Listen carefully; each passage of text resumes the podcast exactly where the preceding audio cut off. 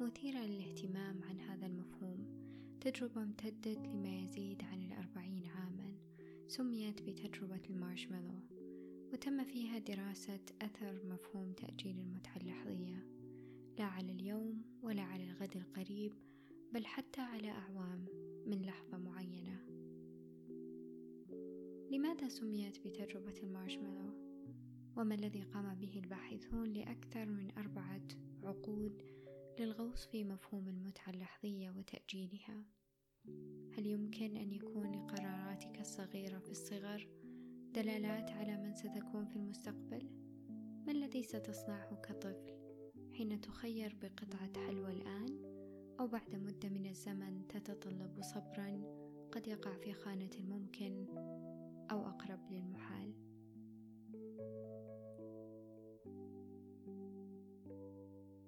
يكاد يقسم مدخن أن هذه آخر سيجارة سيقوم بتدخينها ثم تجده يهيم بعد ساعات بحثا عن أخرى.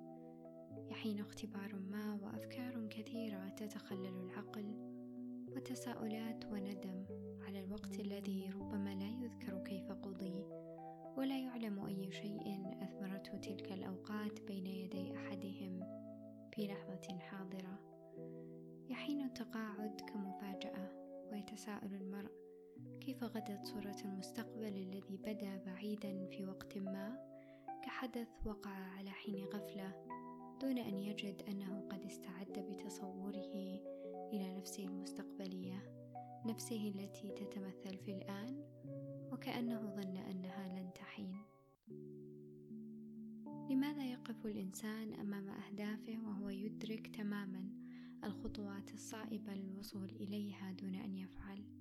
ما الذي يدفع بأولئك الذين يصلون لتحقيق المبتغى؟ وأي شيء حال بين فئة أخرى لم تصل؟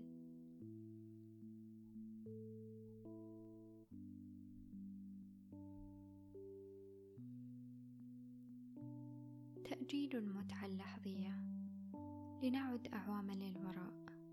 تخيل أنك تبلغ من العمر خمسة أعوام أخبرك أحدهم أن أمامك خيارين أن تأكل حبة من الحلوى المفضلة لك الآن أو تنتظر لعشرين دقيقة ثم تحصل على اثنتين بدلا من واحدة ماذا ستختار؟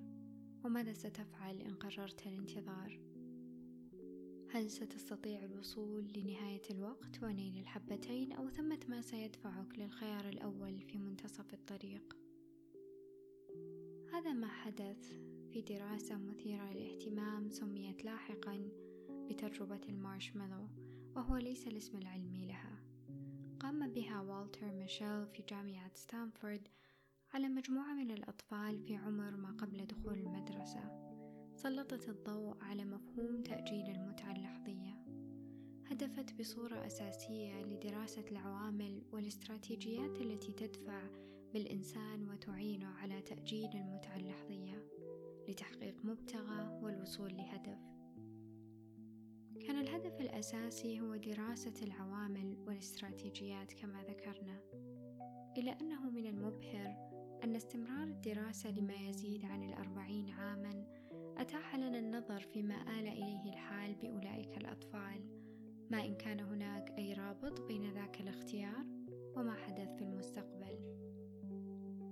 النتائج كانت في الحقيقة تجيب نعم هناك رابط.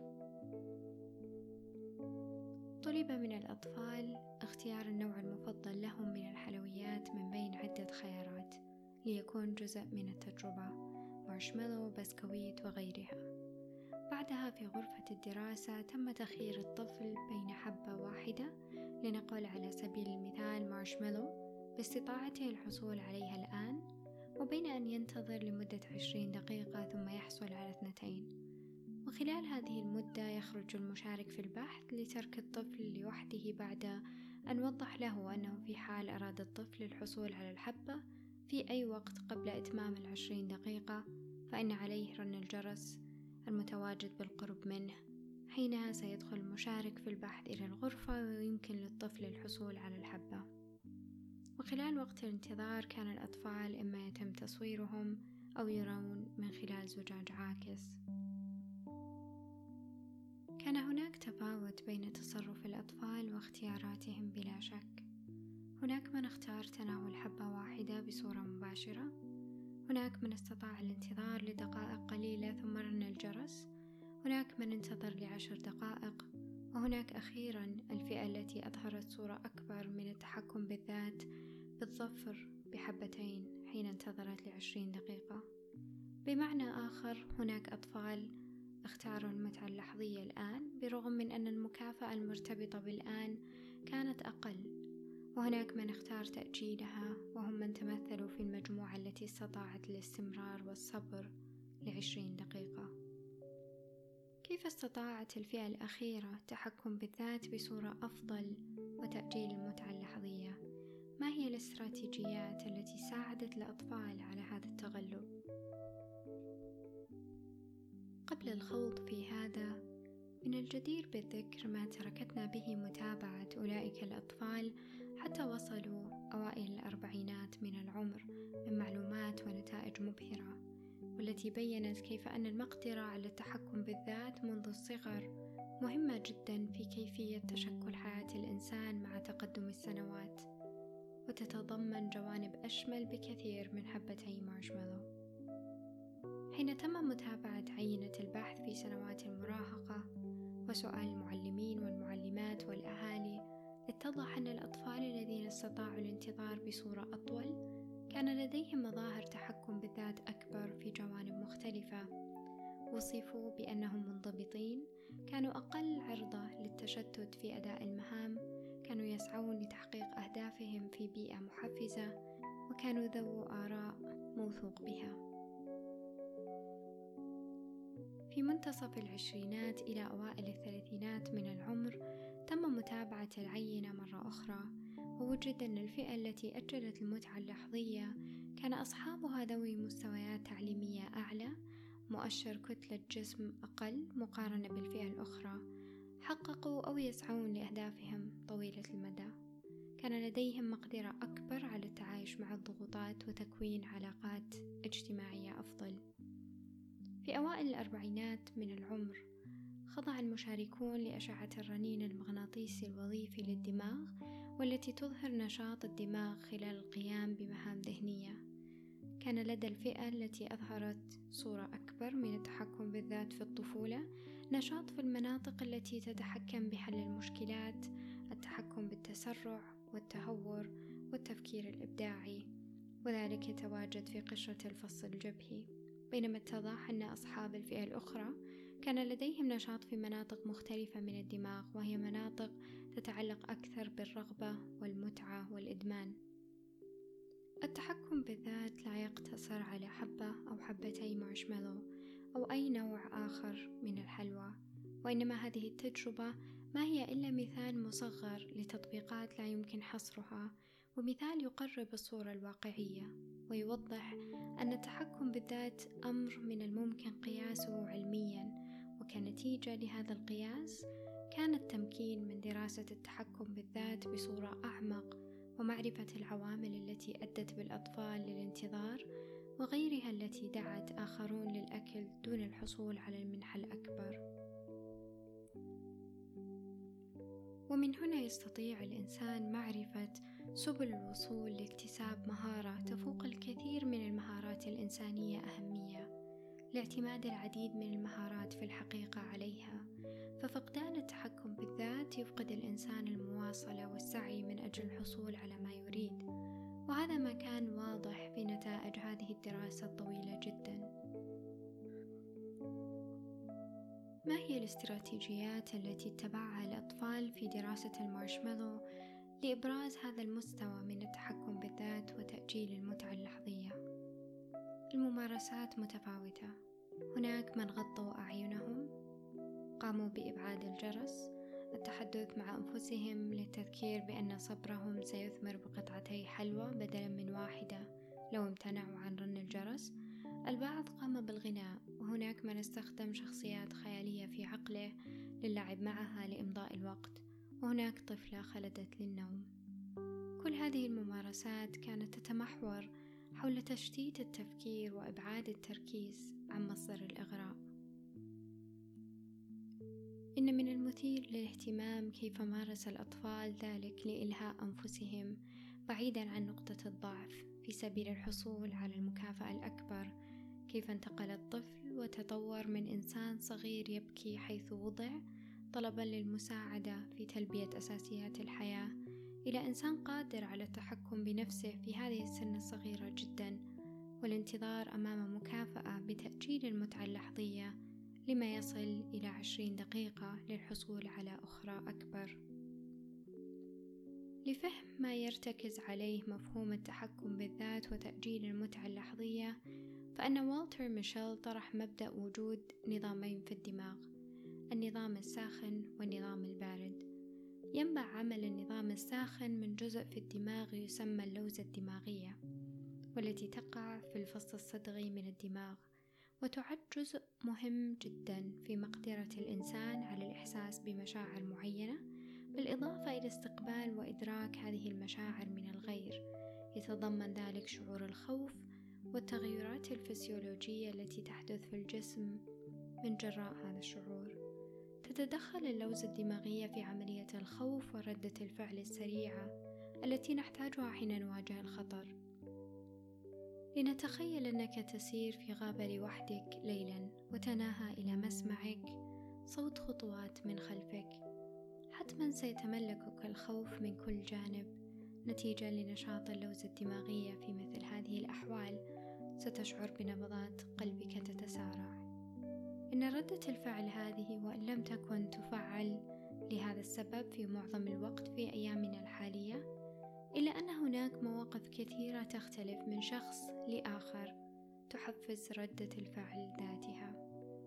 وهذا يوضح كيف أن النظام الساخن نظام انفعالي سريع سينتج عنه تصرفات تساعدك للهروب من الخطر دون الحاجة للنظام البارد. إن النظام الساخن يعتمد بردة فعله على المحفز ينتج ردة فعل سريعة ويكون مرتبط بالمشاعر. على خلاف النظام البارد فهو ما يتخلله التأني والتفكير وعدم ربط مصدر الإغراء بالمشاعر ولكن النظر إليه بصورة تجريدية. فعلى سبيل المثال النظام الساخن يعمل حين ننظر للمارشميلو بالتفكير بالطعم بالمتعة حين نأكل حبة مارشميلو في حين إن أردت إشراك النظام البارد بالتفكير فسيتضمن ذلك أفكارا مجردة مما سبق. سنفكر في شكل حبة المارشميلو في أنها تشبه الغيمة على سبيل المثال التفكير في أنها صورة لا حقيقة بتخيل إطار حولها. تم اقتراح ذلك على الأطفال في التجربة وأظهر الأطفال قدرة أكبر على التحكم بالذات حين تم تحفيزهم للتفكير بطريقة مجردة تجاه مصدر الإغراء لأن النظام البارد هو من أخذ بزمام الأمور حينها. إن النظام الساخن يكون تام النمو منذ الولادة لهذا فهو يعمل بشكل كامل منذ ذلك الوقت بخلاف النظام البارد الذي يستمر بالنمو مع مرور الأعوام ولا يتم النمو الكامل إلا في بداية العشرينات من العمر. لهذا نرى أن الأطفال لديهم تحكم أقل بالمشاعر. النظام البارد مرتبط بالإدراك لا بالمشاعر وهو معقد أكثر من النظام الأول بطيء ويضعف حين يتعرض الإنسان للضغوطات وفي الجهة المقابلة سيقوى النظام الساخن من جراء ذلك. بما أن هناك أطفال استطاعوا الاستمرار وآخرون لم يفعلوا السؤال الأكبر هو هل يمكن اكتساب هذه المهارات؟ أم أن التحكم بالذات حول حبة أو حبتي مارشميلو سيرسم مصير الإنسان؟ يعد والتر ميشيل أن من أثمن مخرجات هذه الدراسة هي التي أوضحت العوامل التي تدفع للإنسان بتأجيل المتعة اللحظية والتي بينت أن هذه العوامل أو الاستراتيجيات تصب في كون التحكم بالذات صفة مكتسبة لا تعتمد فقط على ما ورثه الإنسان. فقد لوحظ على سبيل المثال أن أداء الأطفال كان أفضل بإظهار قدر أكبر من التحكم بالذات حين سبقت التجربة اقتراحات لهم لمحاولة التفكير بصورة مختلفة تجاه المكافأة. مما نتج عن أن هذه الاقتراحات أعانت البعض على الصبر والحصول على المكافأة الأكبر. حين طلب من الأطفال التفكير بالمارشميلو عوضا عن تشتيت انتباههم خلال مدة انتظارهم كانت المدة التي انتظر فيها الأطفال أقصر. وحين اقترح عليهم التفكير بذكريات سعيدة مثلا كان الانتظار أطول. وعلى خلاف ذلك فإنه يمكن أن نتصور أن الإنسان يكون أكثر عرضة لاختيار المتعة اللحظية حين تختلجه مشاعر الحزن أو الإحباط. أو أي مشاعر سلبية سيبحث عن المتعة الآن عوضا عن تأخيرها. إذا تتفاوت قوة مصدر الإغراء باختلاف الأفكار التي نحملها عنها ولا تكمن في المصدر ذاته فحسب وتتفاوت ردات فعل الأطفال وعزيمتهم. حين تقدم لهم اقتراحات تعين على اكتساب مهارات تقف في وجه نقطة الضعف. فكر في ذكريات سعيدة. تصور أن الحلوى أمامك ما هي إلا صورة. قم بالغناء. ابحث عن أي فعل صغير أو أفكار تعينك على الابتعاد عن صب جل تفكيرك تجاه هذا الذي تريد الحصول عليه. إن التركيز دائما على النظام الحار يجعل المرء يقع في فخ المتعة اللحظية بصورة دائمة. ومع مرور الوقت والتكرار يصعب على المرء تبني أفكار جديدة وممارسات مخالفة لهذه الممارسات. لهذا من المهم جدا محاولة جعل الأطفال يكتسبون هذه الصفات منذ سن صغيرة. ما الذي يمكن أن يؤثر على تبني الإنسان لأحد النظامين أكثر؟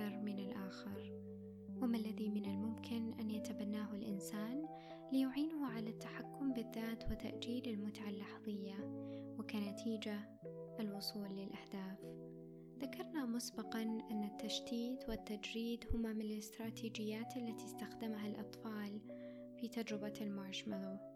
وسنذكر الآن خمس نقاط إضافية أخرى تعد من الاستراتيجيات التي ممكن أن تعين الإنسان على اكتساب مهارة تأجيل المتعة اللحظية.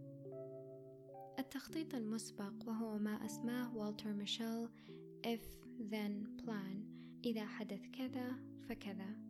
ويشمل هذا أن الفعل أو العادة المرغوب تحقيقها تبدأ بصورة تلقائية حين تحين اللحظة التي نعلقها بها. مثلا حين تحين الساعة السابعة من كل مساء سأقوم بقراءة كذا. حين يرن المنبه الساعة الخامسة فجرا سأقوم للاستعداد ليومي مباشرة. التخطيط المستقبلي وربط الأفعال بهذه الصورة يعين على تبني عادات جديدة في سبيل السعي لأمر يراد تحقيقه. يجعل النظام الساخن يعمل بطريقة مرغوبة كردة فعل. إذا حدث كذا فكذا. الاستراتيجية الرابعة هي العقلية الثابتة والعقلية القابلة للنمو وهي نظرية لعالمة النفس كارل دويك. ما يقصد بالعقلية هنا هو مفهوم الإنسان ونظرته تجاه ما يملكه كالقدرات والملكات. العقلية الثابتة هي عقلية تؤمن بأن ذكاء الإنسان وقدراته وإبداعه أمر ثابت لا يتغير مهما حدث وأن حدوث النجاح ما هو إلا نتيجة لهذه القدرات الثابتة. فينظر الإنسان لنفسه في المواقف المختلفة إما ناجح أو فاشل إما يستطيع أو لا يستطيع لأنه لا يمكن أن يتغير. هذه العقلية تكون أكثر عرضة للتهرب من التحديات تستسلم بسهولة تجاه ما تواجهه من صعوبة لأنه في نهاية المطاف ما الفائدة من المحاولة؟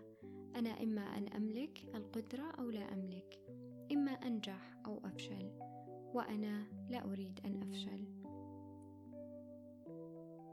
العقلية القابلة للنمو تنظر للتحديات كمصدر للنمو وترى الفشل فرصة لمزيد من التجارب والتعلم ولهذا لا تتهرب من التحديات. تكون أكثر إصرارا وقابلية للخروج من منطقة الراحة. ومن هذا فإن العقلية القابلة للنمو هي أحد العوامل التي تساعد في التحكم بالذات وتأجيل المتعة اللحظية لما لها من تأثير في دافعية الشخص تجاه عمل ما. قد يظهر الإنسان جوانب من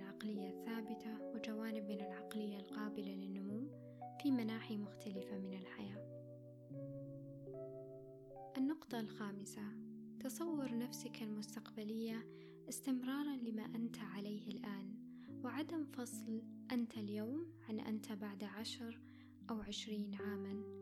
البعض يباعد كثيرا بينه وبين شخصه المستقبلي بصورة تجعله كأنه شخص آخر لا علاقة له بما هو عليه الآن وهذا يباعد الفجوة ويقلل فرصة تأجيل المتعة اللحظية لنيل متعة مستقبلية مرتبطة. بهذا المستقبلي حين خضع أشخاص لأشعة الرنين المغناطيسي الوظيفي في دراسة ما طلب من الأشخاص التفكير بأنفسهم الآن التفكير بأنفسهم بعد عشرة أعوام والتفكير بشخص آخر.